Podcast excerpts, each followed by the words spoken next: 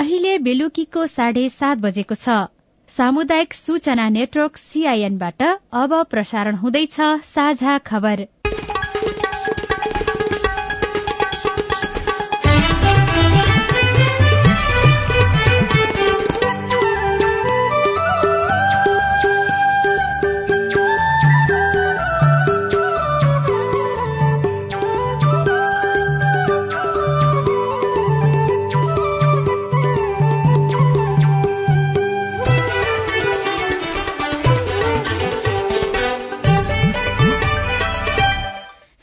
सीआईएनको साझा खबरबाट सोभिता रिसालको नमस्कार। साझा खबर देशभरिका सामुदायिक रेडियो सीआईएन खबर डट कम सीआईएनको फेसबुक पेज र मोबाइल एप सीआईएनबाट पनि सुन्न सकिन्छ।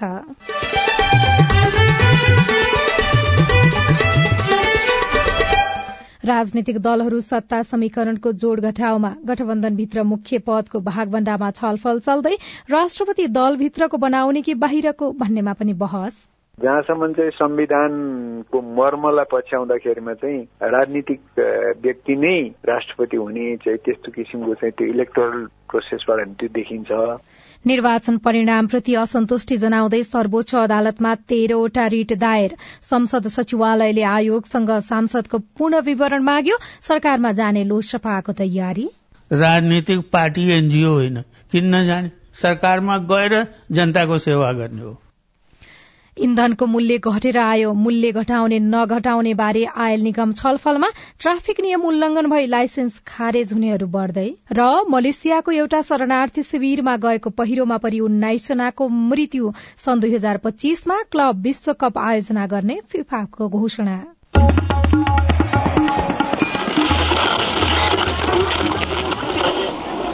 रेडियो। हजारौं रेडियो कर्मी। र करोड़ौं नेपालीको माझमा यो हो सामुदायिक सूचना नेटवर्क सीआईएन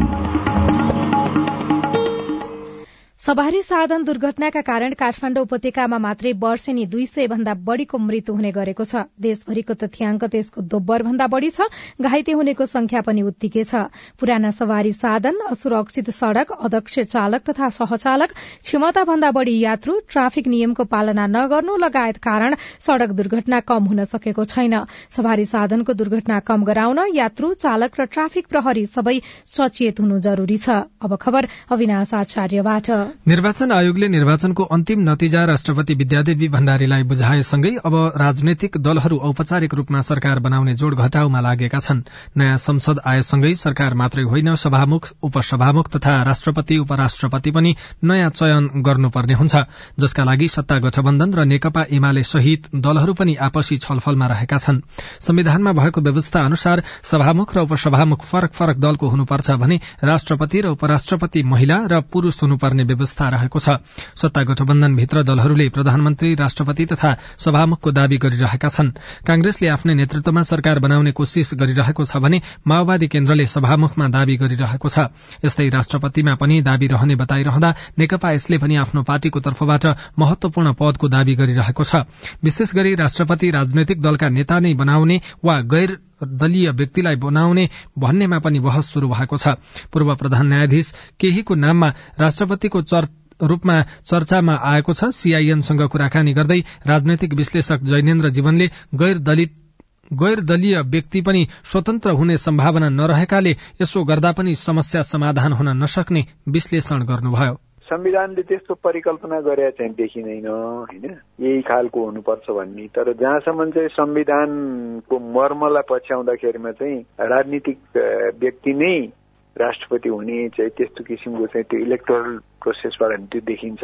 दलगत सदस्यता त्याग्नुपर्छ भनेर भने जस्तो नि त त्यहाँ त। त्यसको मतलब त राजनीतिक व्यक्ति नै चाहिन्छ भने हो। दलहरूले त्यसो भए किन यो संविधानको मर्म भन्दा बाहिर गएर कदम चाल्न खोजिराखेका छन्? त्यहाँ केही स्वार्थ देखिन्छ? अब यिनीहरूको चाहिँ के भने नि एकअर्काप्रति पटक्कै विश्वास छैन। अब एउटा अर्को दलको राष्ट्रपति चाहिँ नि अर्कोलाई नहुने अर्को दलको राष्ट्रपति अर्कोलाई नहुने र राष्ट्रपति अहिले नै तत्काल चाहिँ भागभण्डा लाउँदाखेरि भने उसलाई चित्त नबुझ्ने उसलाई चित्त नबुझ्ने गठबन्धनको चाहिँ स्थायित्वमा नि त्यसले असर पार्ने। अब दलहरूलाई सबैभन्दा डर भनेको राष्ट्रपति चाहिँ दलतिर दलगत स्वार्थतिर ढल्किनुहुन्छ कि भन्ने खालको हो। दलभन्दा बाहिरबाट राष्ट्रपति हुने व्यवस्था भयो भने त्यो स्वार्थ पनि काहीँ न काहीँ रहँदैन होला भन्ने आकलन पनि हामीले गर्न सकिन्छ। फेरि अभ्यासकै कुरा गर्ने हो भने भारतमै अब्दुल कलामले त्यो अभ्यास त गरिसक्नु भएको स्थिति छ। नेपालको संविधानलाई नसुहाउँदो यहाँको वातावरणलाई नसुहाउँदो त्यस्तो हुन्छ? हामी कहाँ अब खोइ अहिले चाहिने यसो हेर्दाखेरिमा चाहिने त्यो राष्ट्रपतिको भूमिकामा एपिजे अब्दुल कलाम आजाद जस्तो मान्छे पनि देखिँदैन। त्यस कारणले चाहिँ के भने हामी कहाँ अलिकति अब दलहरूले चाहिँ नि न्यायाधीश भने चाहिँ एउटा निष्पक्ष पनि हुन्छ ल्याउँ भने होला। त्यो फेरि अर्को गलत काम भइराखेको छ। त्यो न्यायाधीशबाट त हुनै हुँदैन। कुनै पनि हालत न्यायाधीशले त नियुक्ति नै पाउँदैन। संविधानले नै बन्देज गरेको छ त्यो। अब दलभित्रैबाट चाहिँ सर्वसम्मत मान्छे हुन सक्छ भनेदेखि त्यही गरे हुन्छ। अब गठबन्धन चाहिँ गर्न हुने सरकार बनाउनु हुने राष्ट्रपतिमा चाहिँ नि त्यो गर्नु नहुने के कुरो हो संविधानको धारा बैसठीको उपधारा एक अनुसार संघीय र प्रदेश सभाका सदस्यले राष्ट्रपतिलाई मतदान गर्ने व्यवस्था संविधानमा रहेको छ। संघीय संसदका सदस्य र प्रदेश सभाका सदस्यको मतभार भने फरक फरक हुनेछ। निर्वाचन मण्डलको तत्काल कायम रहेको कुल मतको बहुमत प्राप्त गर्ने व्यक्ति राष्ट्रपति निर्वाचित हुने संवैधानिक व्यवस्था छ। कुनै उम्मेद्वारले बहुमत प्राप्त गर्न नसकेमा सबैभन्दा बढ़ी मत प्राप्त गर्ने दुई उम्मेद्वारहरूबीच मतदान हुनेछ र त्यस्तो मतदानमा कुल मतको पचास प्रतिशत भन्दा बढ़ी मत प्राप्त गर्ने उम्मेद्वार राष्ट्रपति निर्वाचित हुने व्यवस्था संविधानमा छ। तर माओवादी केन्द्रका महासचिव देव गुरूङले भने दलभन्दा बाहिरका व्यक्तिलाई राष्ट्रपति बनाउन नसकिने बताउनु भएको छ। आज काठमाण्डुमा आयोजित एक कार्यक्रममा महासचिव गुरूङले यस्तो प्रतिक्रिया दिनुभएको हो। संस्थागत रूपले यो जानकारी मैले कतैबाट पनि पाएको छैन। पार्टीमा पनि त्यस्तो कुरा कतैबाट पनि उठेको छैन। पाँच दलीय गठबन्धनमा पनि कतैबाट उठेको छैन। अब सुनेकै कुरा चाहिँ ठिक हो भने यो सोच यो भिजन मलाई लाग्छ अहिलेको सिस्टम अनुकूलको भिजन होइन। होइन? न्युट्रलको नाममा राजनीतिक पृष्ठभूमि भन्दा बाहिरका पात्रहरूबाट चाहिँ जुन ढंगले सोच्ने खालको जो सोचहरू चाहिँ मतलब सुनिएको छ यदि यथार्थ हो भने जो सुनिएको चाहिँ छ यदि त्यो सोच हो भने चाहिँ यो प्रणालीबाटै विचलन भएको चिन्तनको उपज हो गठबन्धनभित्र संवैधानिक पदहरूको भागभण्डामा अनौपचारिक छलफल शुरू भइसकेको छ। यसबारेमा एमाले भने आधिकारिक धारणा सार्वजनिक गरिसकेको छैन तर सम्भव भएसम्म सरकारको नेतृत्व गर्ने विषयमा भने पहल गरिरहेको छ। संघीय संसद सचिवालयले निर्वाचन आयोगसँग सांसदहरूको जन्ममिति सहितको विस्तृत विवरण माग गरेको छ। सचिवालयले आज आयोगलाई पत्राचार गर्दै सांसदहरूको विवरण मागेको संसद सचिवालयका उपसचिव दशरथ धमलाले बताउनुभयो। धमलाका अनुसार आयोगले सांसदहरूको नामावली उपलब्ध गराए पनि पूर्ण विवरण नपठाएपछि पत्राचार गरिएको हो। निर्वाचनको परिणामप्रति असन्तुष्टि जनाउँदै सर्वोच्च अदालतमा तेह्र जनाले रिट दायर गरेका छन्। निर्वाचनसँग सम्बन्धित तेह्रवटा मुद्दा संवैधानिक इजलास फाँटमा दर्ता भएको सर्वोच्च अदालतले जनाएको छ। आठवटा रिट प्रतिनिधि सभासँग सम्बन्धित छन् भने चारवटा प्रदेश सभाको चुनावसँग सरोकार राख्ने किसिमका छन्। एउटा मुद्दा भने समानुपातिक निर्वाचन प्रणालीमा मत खेर जाने गरी बनाएको कानून संविधान विपरीत रहेको भन्दै परेको छ। सीआईएनसँग कुराकानी गर्दै सर्वोच्च अदालतका प्रवक्ता विमल पौडेलले दायर भएको मुद्दा मध्ये दुईवटा उम्मेद्वारको अयोग्यतासँग सम्बन्धित रहेको र दसवटा चुनावी परिणामसँग जोडिएको बताउनुभयो। कतिपय मतगणनाको कार्य रितपूर्वक भएन भनिन्छ कतिपय मतदानकै कार्य ठिक भएन भन्ने पनि छ कतिपयको चाहिँ नागरिकता विवाद अथवा योग्यताकै प्रश्न पनि छ उम्मेद्वारको। अब अघिल्लो निर्वाचनमा दायर भएका रिटहरू अहिलेसम्म पनि सुनवाई भएको स्थिति छैन। यी मुद्दाहरूलाई चाहिँ छिटो टुङ्ग्याउनका लागि केही प्रक्रियागत रूपमा अलिक छिटो जाने अथवा त्यस्तो केही हुन्छ? यिनको अब पहिलाको जस्तो त्यस्तो ढिलो हुँदैन भन्ने अपेक्षा गर्दछौँ। अहिलेसम्म हामीसित जे कार्यविधि छ संवैधानिक इजलास सञ्चालन सम्बन्धी कार्यविधि नियमावली त्यसैले नै रेगुलेट गर्न सक्छ त्यसैले नै नियमित गर्दाखेरि पनि यिनीहरू त्यति धेरै अवधि लाग्छ जस्तो लाग्दैन मलाई अब ढिला चाहिँ किन हुन्छन्? त्यस्तो यस अगाडिको समस्या चाहिँ के थियो? अब त्यो के हुँदैन भन्न सकिन्छ। होइन त्यस्तो पनि होइन। मुद्दाको संख्या मुद्दाको चापको आधारमा हो। इजलासको संख्याको आधारमा पनि हुनसक्छ। अब अहिले चाहिँ अब संवैधानिक इजलासमा विचाराधीन मुद्दाहरूको संख्या त्यति धेरै उल्लेख्य संख्यामा छैनन्। त्यो हुनाले चाहिँ त्यस्तो अवस्था आउँदैन होला भन्ने अपेक्षा गर्दछु। संविधानको धारा एक सय सैतिस दुई खले प्रतिनिधि सभा र प्रदेशसभासँग सम्बन्धित विवाद र उम्मेद्वारको अयोग्यता बारे सुनवाई गर्ने दायित्व संवैधानिक इजलासलाई दिएको छ। नेपाली कांग्रेसका करिब एक दर्जन केन्द्रीय सदस्यले तत्काल केन्द्रीय समिति बोलाउन माग गरेका छन्। आज मीन विश्वकर्मा नयनसिंह महर मदन अमात्य योगेन्द्र चौधरी भोजराज श्रेष्ठ हरिकृष्ण नेपाली नानु वास्तोला सरस्वती अर्याल अब्दुल मिया लगायतले छलफल गर्दै संकटग्रस्त अर्थतन्त्र र चुनावी समीक्षाका लागि केन्द्रीय समिति बैठक बोलाउनु पर्ने माग गरेका हुन्। भारतीय आयल कर्पोरेशन आईओसीले नेपाल आयल निगमलाई इन्धनको मूल्य घटाएर नयाँ मूल्य सूची पठाएको छ। आईओसीले आज पठाएको सूची अनुसार पेट्रोलमा प्रति लिटर छ रूपियाँ नब्बे पैसा र डिजल बाह्र रूपियाँ एकतीस पैसाले घटेर आएको छ। यस्तै हवाई इन्धनमा समेत दस रूपियाँ एकसठी पैसा घटेर आएको छ। नेपालमा मूल्य नघटाउँदासम्म निगमलाई अब पेट्रोलमा प्रति लिटर बीस रूपियाँ डिजेलमा करिब तेह्र रूपियाँ नाफा छ तर निगमले आईओसीलाई करिब तेह्र अर्ब रूपियाँ बक्यौता बुझाउन बाँकी छ भने सरकारलाई बुझाउनु पर्ने ऋण रकम सात अर्ब रूपियाँ छ।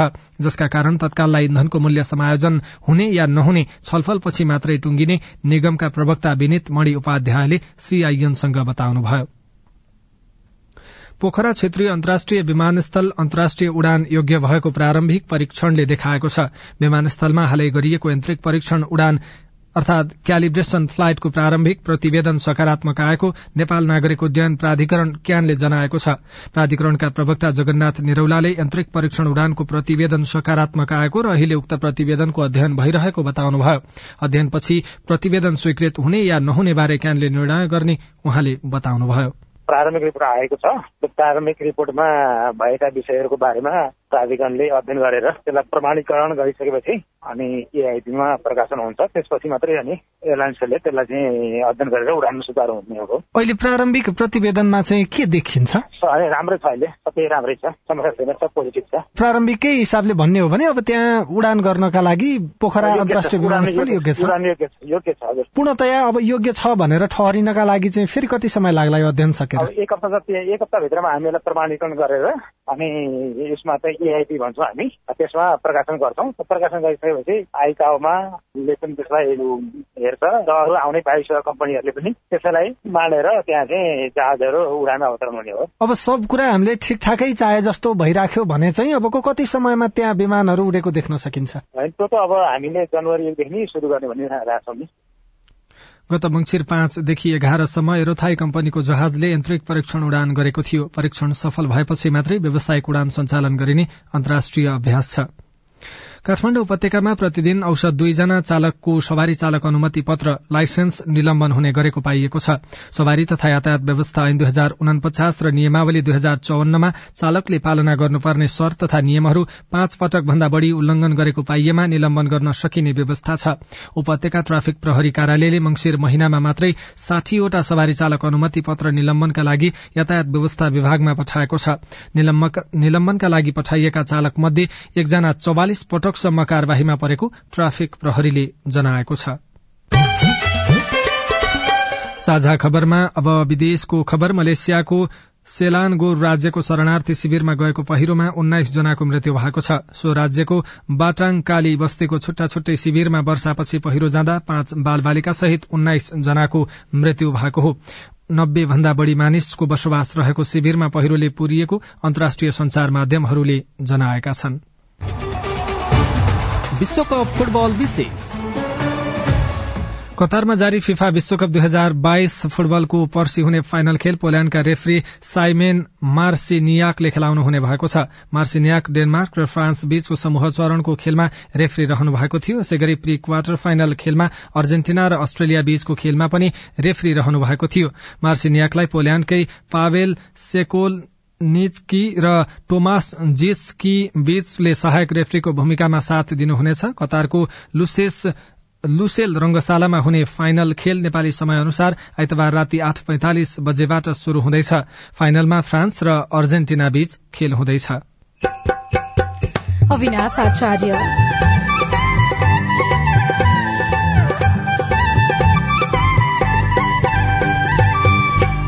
शिक्षण पेसामा अवकाश पाएपछि बाख्रा पालन?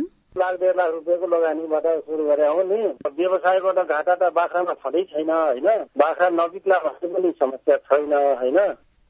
आमदानी पनि राम्रो। रिपोर्ट मधेस केन्द्रित राजनीति गर्ने दलहरूलाई सरकारमा जाने हतारो किन हुन्छ? विशेष कुराकानी बाँकी नै छ। सीआईएनको साझा खबर सुन्दै गर्नुहोला।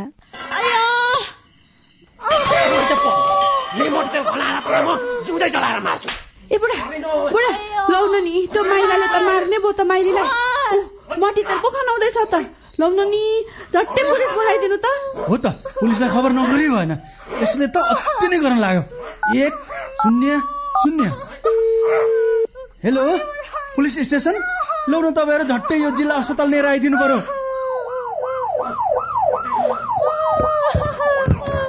तपाईँहरू जस्तो असल छिमेकीलाई चाहिँ धेरै धन्यवाद है। हामीलाई बेलैमा खबर गरिदिनु भएर थप अप्रिय घटना हुन पाएन। यसरी अग्निजन्य हिंसा महिला हिंसा गर्नेलाई त कानून बमोजिम दण्ड सजाय हुन्छ। ल यसलाई लिएर हिँड्नुहोस् त। सावधान। पेट्रोल मट्टीतेल जस्ता ज्वलनशील पदार्थ लगायत तेजाब करेन्ट आदिले जलाई ज्यान मार्ने अङ्गभंग गर्ने शारीरिक क्षति पुर्याउने जस्ता आपराधिक कार्य गर्नेलाई प्रचलित कानून अनुसार कड़ा भन्दा कड़ा सजाय तथा जरिवानादेखि जन्म कैदसम्म हुने व्यवस्था छ। त्यस्ता कार्य नगरौं नगराउ। अग्निजन्य हिंसा भएमा उजुरी गर्न प्रहरीको नम्बर एक शून्य शून्यमा र अन्य आवश्यक सहयोगको लागि बीबीएस नेपालको फोन नम्बर शून्य एक चौन्न पचपन्न छ आठ नौमा सम्पर्क गर्नुहोला। अग्निजन्य हिंसा विरूद्धको अभियानमा एक्सन एड नेपाल र बीभीएस नेपालद्वारा जनहितमा जारी सन्देश। सामाजिक रूपान्तरणका लागि यो हो सामुदायिक सूचना नेटवर्क सीआईएन तपाई सामुदायिक सूचना नेटवर्क सीआईएनले तयार पारेको साझा खबर सुन्दै हुनुहुन्छ। बाजुराको बुढीनन्दा नगरपालिकाको कोल्टीमा आजदेखि स्वास्थ्य शिविर सञ्चालन भएको छ। बुढीनन्दा नगरपालिकाको आयोजना तथा कर्णाली स्वास्थ्य विज्ञान प्रतिष्ठान जुम्ला र स्वास्थ्य तथा विकास समाज ललितपुरको सहयोगमा प्राथमिक स्वास्थ्य केन्द्रमा दुई दिने शिविर सञ्चालन भएको हो। आजबाट शुरू भएको शिविरमा स्त्री रोग दन्त सेवा र सामान्य स्वास्थ्य जाँच प्रदान गरिएको छ। आज पहिलो दिन तीन सय चालिस जनाले सेवा लिएको रेडियो बुढीनन्दा बाजुराले खबर पठाएको छ। रसुवा भन्सार कार्यालयबाट तीन वर्षपछि सामान निर्यात हुने भएको छ। कोरोना महामारीका कारण आर्थिक वर्ष दुई हजार छयत्तरदेखि रसुवा नाकाबाट चीनतर्फको निर्यात रोकिएको थियो। पछिल्लो समय नियमित रूपमा चिनिया सामान आयात भइरहेको भए पनि निर्यात भने शून्य छ। आजबाट भने चीनतर्फ निर्यात शुरू भएको रसुवा भन्सार कार्यालय प्रमुख अधिकृत नारायण भण्डारीले जानकारी दिनुभयो। चितौन राष्ट्रिय निकुञ्जभित्र पाँच महिनामा चौन्न वन्य जन्तु मरेका छन् जसमा सबैभन्दा धेरै चितल मरेको निकुञ्जले जनाएको छ। पाँच महिनाको अवधिमा बत्तीसवटा चितल मरेको निकुञ्जको तथ्याङ्कमा उल्लेख छ। सरकारले बेलायत दक्षिण कोरिया जर्मनी लगायत विभिन्न मुलुकमा मौसमी श्रमिक शून्य लागतमा पठाउने तयारी शुरू गरेको छ। मौसमी कामका लागि नेपाली श्रमिकको आकर्षण बढ़ेसँगै ठगीको जोखिम बढ़न थालेपछि सरकार आफैले शून्य लागतमा मौसमी श्रमिक पठाउने तयारी गरेको हो। दाङको घोराही साथ जवरपुरका सन्ताउन्न वर्षका जुद्ध बहादुर हमाल व्यावसायिक रूपमा बाख्रा पालनमा संलग्न हुनुहुन्छ। शिक्षण पेसाबाट अवकाश पाएपछि जनसेवा बाख्रा तथा कृषि फर्म दर्ता गरी हमाल व्यावसायिक रूपमा बाख्रा पालनमा लाग्नु भएको हो। बीस वर्ष लामो जागिरी जीवनबाट अवकाश पाएपछि हमाल बाख्रा पालनमा लाग्नुभयो। चार वर्ष अघिदेखि शुरू भएको व्यावसायिक बाख्रा पालनले आमदानी पनि राम्रै दिइरहेको छ। मैले भनौँ अब त्यो लाख डेढ लाख रुपियाँको लगानीबाट सुरु गरे हो नि। त्यहाँबाट सुरु गर्दै चाहिँ अब लोकल बाख्रामा क्रस गर्दै बोयर बाख्रा के क्रस गर्दै अहिले चाहिँ आइरहेको छु अहिले चाहिँ अलि प्योर बाख्राहरू पनि भइसकेका छन्। हमाल मासुका लागि मात्रै खसी होइन पाल्नका लागि पाठा पाठी पनि बेच्नुहुन्छ। रोल्पा रुन्टी गरी गाउँपालिका तीनबाट बसाइ सरेर दाङ झरेका हमालका खोरमा अहिले अस्सीवटा बाख्रा छन्। व्यवसायबाट घाटा त बाख्रामा छँदै छैन होइन? बाख्रा नबिक्ला भन्ने पनि समस्या छैन होइन? अब त्यस्तो मैले पाएको छैन। अब धेरै साथीहरूले त बिग्दैन के गर्ने? यता कुरा त धेरैले गर्छन् धेरैले बाख्रा पालन गर्नु भएको छ। बाख्रा पालेर वर्षको बाह्र लाखसम्म आमदानी हुने हमाल बताउनुहुन्छ। उहाँको फर्ममा उत्पादन भएको बोयर जातका बोका तथा पाठीको लागि विभिन्न जिल्लाबाट माग आउँछ। बाख्रा पालनका लागि आवश्यक घाँस आफैले उत्पादन गर्ने हमाल बताउनुहुन्छ। अहिले त मैले आफै तिनीहरूलाई ट्रिटमेन्ट गर्न सक्छु जस्तो सुईहरू दिन सक्छु होइन? अनि औषधिको नाम पनि लगभग अब मैले पचास पर्सेन्ट भन्दा बढी नाम थाहा पाइसकेको छु होइन? अब त्यो भएपछि धेरै कुराहरूमा अब खर्चमा अलिकति जोगिन रहेछ अनभिज्ञ मान्छेहरूले किसानमा चाहिँ हात हालेर पनि हाम्रो कृषकमा फलप खाएको कारण त्यो पनि हो। बाख्रा पालन नै हमाल परिवारको मुख्य आमदानीको स्रोत हो। बाख्रा पालनबाट प्राप्त भएको आमदानीले परिवारको लालन पालनमा सजिलो भएको हमाल बताउनुहुन्छ। सुशीला ओली सीआईएन रेडियो मध्य पश्चिम दाङ। साझा खबरमा अब हेलो सीआईएन उसाथा माङबाट सन्तोष कुलाला हुम्ला जिल्ला अदनचली तिनबाट। हामी पहिला पूर्णिमा प्राधिकरणमा प्राविधिकको रूपमा काम गरिरहेका थियौँ। फेरि विपद जोखिम न्यूनीकरणमा त्यो काम गरेका मान्छेहरूलाई समावेश अथवा राख्ने भन्ने कुरा थियो। त्यसको भ्याकेन्सी खोल्ने भनेको थियो। खोल्छ कि खोल्दैन भनेर त्यो जानकारी पाउनको लागि। जानकारी गराउँदै हुनुहुन्छ राष्ट्रिय विपद जोखिम न्यूनीकरण तथा व्यवस्थापन प्राधिकरणका प्रवक्ता डाक्टर रिजन भट्टराई अफिसको आवश्यकता अनुसार भ्याकेन्सी खोल्ने कुरा हो। अहिले तत्कालमा प्राविधिक कर्मचारी लागि धेरै कुनै पनि आवश्यकता छैन। त्यस कारणले गर्दा तत्काललाई खोल्ने कुनै पनि जानकारी भएको छैन। यदि त्यस्तो खुल्ने हो भनेदेखि हाम्रा विभिन्न सूचनाका माध्यम मार्फत हामी यो विषय सबैमा जानकारी गराउने नै छौँ। त्यस कारणले अहिले नै चाहिँ त्यस्ता नयाँ भ्याकेन्सीहरू खुल्ने कुनै केही छैन। बुद्ध सिंह तामाङ रामेछापबाट मङ्सिर बिस गति रामेछाप जिल्ला गएर ई पासपोर्टको लागि फर्म भरेको थिएँ। तर अहिलेसम्म पासपोर्ट बन्यो कि बनेन एसएमएस आएको छैन। अब मैले मेरो पासपोर्ट कहिले पाउँछु होला? जवाफ दिँदै हुनुहुन्छ रामेछापका प्रमुख जिल्लाधिकारी सुभाकर रेग्मी। हामीले चाहिँ यहाँबाट फोटो खिचेर फारमहरू उहाँ राजधानी विभागमा पठाउँछौँ। उसले चाहिँ देशभरिको राजधानी प्रिन्ट गर्छ। प्रिन्ट गरेर अनि हामीलाई सिस्टमले महिनाको एकचोटि यहाँ पठाइदिन्छ। यहाँ आइसकेको पनि हुन सक्छ नआएको भए पनि उहाँको राजधानी विभागमा राजधानी प्रिन्ट भएको छ भने हामी उहाँलाई उपलब्ध गराइदिनुहोस् भनेर चिठी पनि लेखिदिन सक्छौँ। त्यस्तो समस्या हुँदैन। उहाँले आफै बुझ्नु पर्यो। उहाँसँग नागरिकता नम्बर छ। उहाँको नागरिकता मेरो पासपोर्ट प्रिन्ट भयो कि भएन भने त्यहाँ बुझ्न सकिन्छ। जिल्ला खलारा गाउँपालिका वडा नम्बर छ। महिना पछि हप्ता पछि दुर्घटना भइरहेको छ। यो हेर्ने कुन मान्छे हो? यो कहिले होला दुर्घटना बन्द कहिले हुने हो? चिन्ता सहितको प्रश्न सुनिसकेपछि दुर्घटना न्यूनीकरण बारे भइरहेका पहल बारे नेपाल प्रहरीका प्रवक्ता टेक प्रसाद राईको जवाब छ। दुर्घटना न्यूनीकरण गर्नको लागि प्रहरीले मुख्य कुरा चाहिँ कडाका साथ गरि नै रहेको छ। प्रश्न मात्रै पुग्दैन।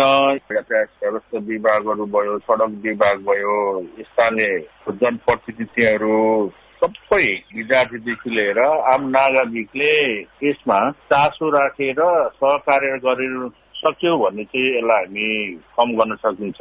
तपाई जुनसुकै बेला हाम्रो टेलिफोन नम्बर शून्य एक बान्न साठी छ चार छमा फोन गरेर आफ्नो विचार प्रश्न गुनासो तथा प्रतिक्रिया रेकर्ड गर्न सक्नुहुनेछ। तपाई सामुदायिक सूचना नेटवर्क सीआईएनले काठमाण्डुमा तयार पारेको साझा खबर सुनिरहनु भएको छ। लोकसभालाई सरकारमा जाने हतारो किन? राजनीतिक पार्टी एनजीओ होइन। किन नजाने? सरकारमा गएर जनताको सेवा गर्ने हो। र तपाईँको विचार हो कि सधैँ हामी जेलैमा बस्ने सधैँ हामी कुटाइ नै खाने? आगामी सरकारमा सहभागिता र चुनावी समीक्षा बारे अध्यक्ष महन्त ठाकुरसँगको विशेष कुराकानी बाँकी नै छ। सीआईएनको साझा खबर सुन्दै गर्नुहोला। सीआईएनको साझा खबर अब नेपाली पात्रोमा पनि। स्थानीय राष्ट्रिय तथा अन्तर्राष्ट्रिय समाचार नेपाली एफएम तथा अनलाइन रेडियोहरू एकै ठाउँमा सुन्न तिथि मिथि तथा पञ्चाङ्ग सम्बन्धी सबै जानकारी लिन।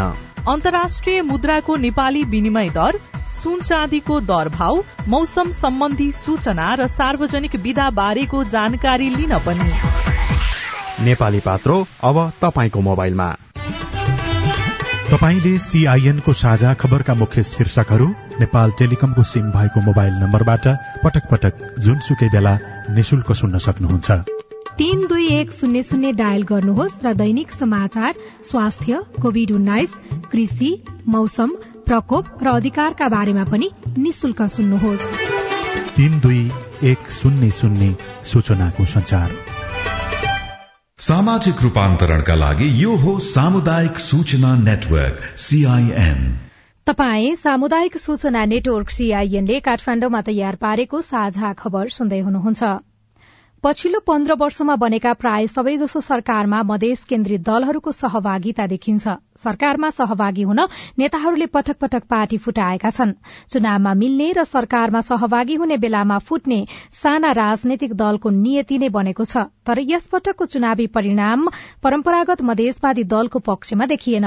सत्ता गठबन्धनसँग तालमेल गरेर चुनावमा होमिएको लोकतान्त्रिक समाजवादी पार्टी लोसपा राष्ट्रिय पार्टी समेत बन्न सकेन। चुनावमा सोचे जस्तो परिणाम किन आएन? साथी राजन रुचालले लोसपाका अध्यक्ष महन्त ठाकुरलाई सोध्नु भएको छ। किन सुरुदेखि नै हामीलाई यति एक्सपेक्टेसन थियो र साथीहरूको समक्ष यसपालि चाहिँ अनएक्सपेक्टेड परिणामहरू आउन सक्छन् र त्यो आएको पनि हो। पुराना कतिपय लिडर्सहरू नाम कमाएका संसदमा राम्रै गरेको तिनीहरू चाहिँ आउन सकेन देख्छु हेर्छु। अनेक कारण छ। अब संसदको यात्राको कुरा गर्दाखेरि पहिलो पटक संसदीय यात्रामा भएको मान्छे अथवा पहिलो पटक चुनाव जितेको मान्छेलाई पनि म के के नै गर्छु भने जस्तो लाग्छ अरे कि? किनकि जोस हुन्छ एउटा। कि त अब तपाईँले भन्नुभयो अब यो पटक चाहिँ मेरो अन्तिम संसदीय चुनाव हो। त्यसो भन्दै गर्दाखेरि अब मैले यो संसद मार्फत जनतालाई दिने कुरा चाहिँ परिपक्व कुरा दिनुपर्छ स्थायी कुरा दिनुपर्छ केही कुरा छोडेर जानुपर्छ अब मैले जाँदै गर्दाखेरि। तपाईँको मनमा के छ? होइन हेर्नुहोस् हाम्रो मनमा यो छ कि एजुकेसनको लेभलले धेरै कुरा डिसाइड गर्छ। त हामी अहिले पनि संक्रमण कालमा नै छौं। एक त हाम्रो संस्थागत विकास हुँदै भएको छैन हाम्रो राजनीतिको। हामी चाहन्छौ कि स्थिरता होस् राजनीतिमा स्थिरता होस् र हामीले दिने के हो त्यही त तपाईँहरूलाई इन्टरभ्यू दिने हो संसदमा केही बोलिदिने हो। जनताको आवाजलाई सरकार समक्ष संसदको मार्फत पुर्याइदिने हो। त्यति त हो नि। तर काम हाम्रो के? ट्रांसफर करा दीजिए न। नोकरी लगा दीजिए न। अब यो त हाम्रो हातमा छँदै छैन। तै पनि त गर्नै पर्यो। हाम्रो सामाजिक जुन अवस्था छ जुन सफरिङ छ सफर गरिरहेका छन् त्यो त हामी पनि देखिरहेका छौँ न। तपाईँको पार्टी कार्यालयमै म आइपुगेको छु संयोगले। तपाईँले भने जस्तै यहाँ राजनीतिक गफ गर्ने उद्देश्यले मात्रै पक्कै कार्यकर्ता आउँदैनन् होला। कोही कोही त जागिर खोज्ने बाहनाले पनि आइपुग्छन् होला। कति आउँछन् त्यस्ता कार्यकर्ता दिनमा? होइन सबै किसिमको कार्यकर्ता आउँछन् रोजगारको लागि पनि।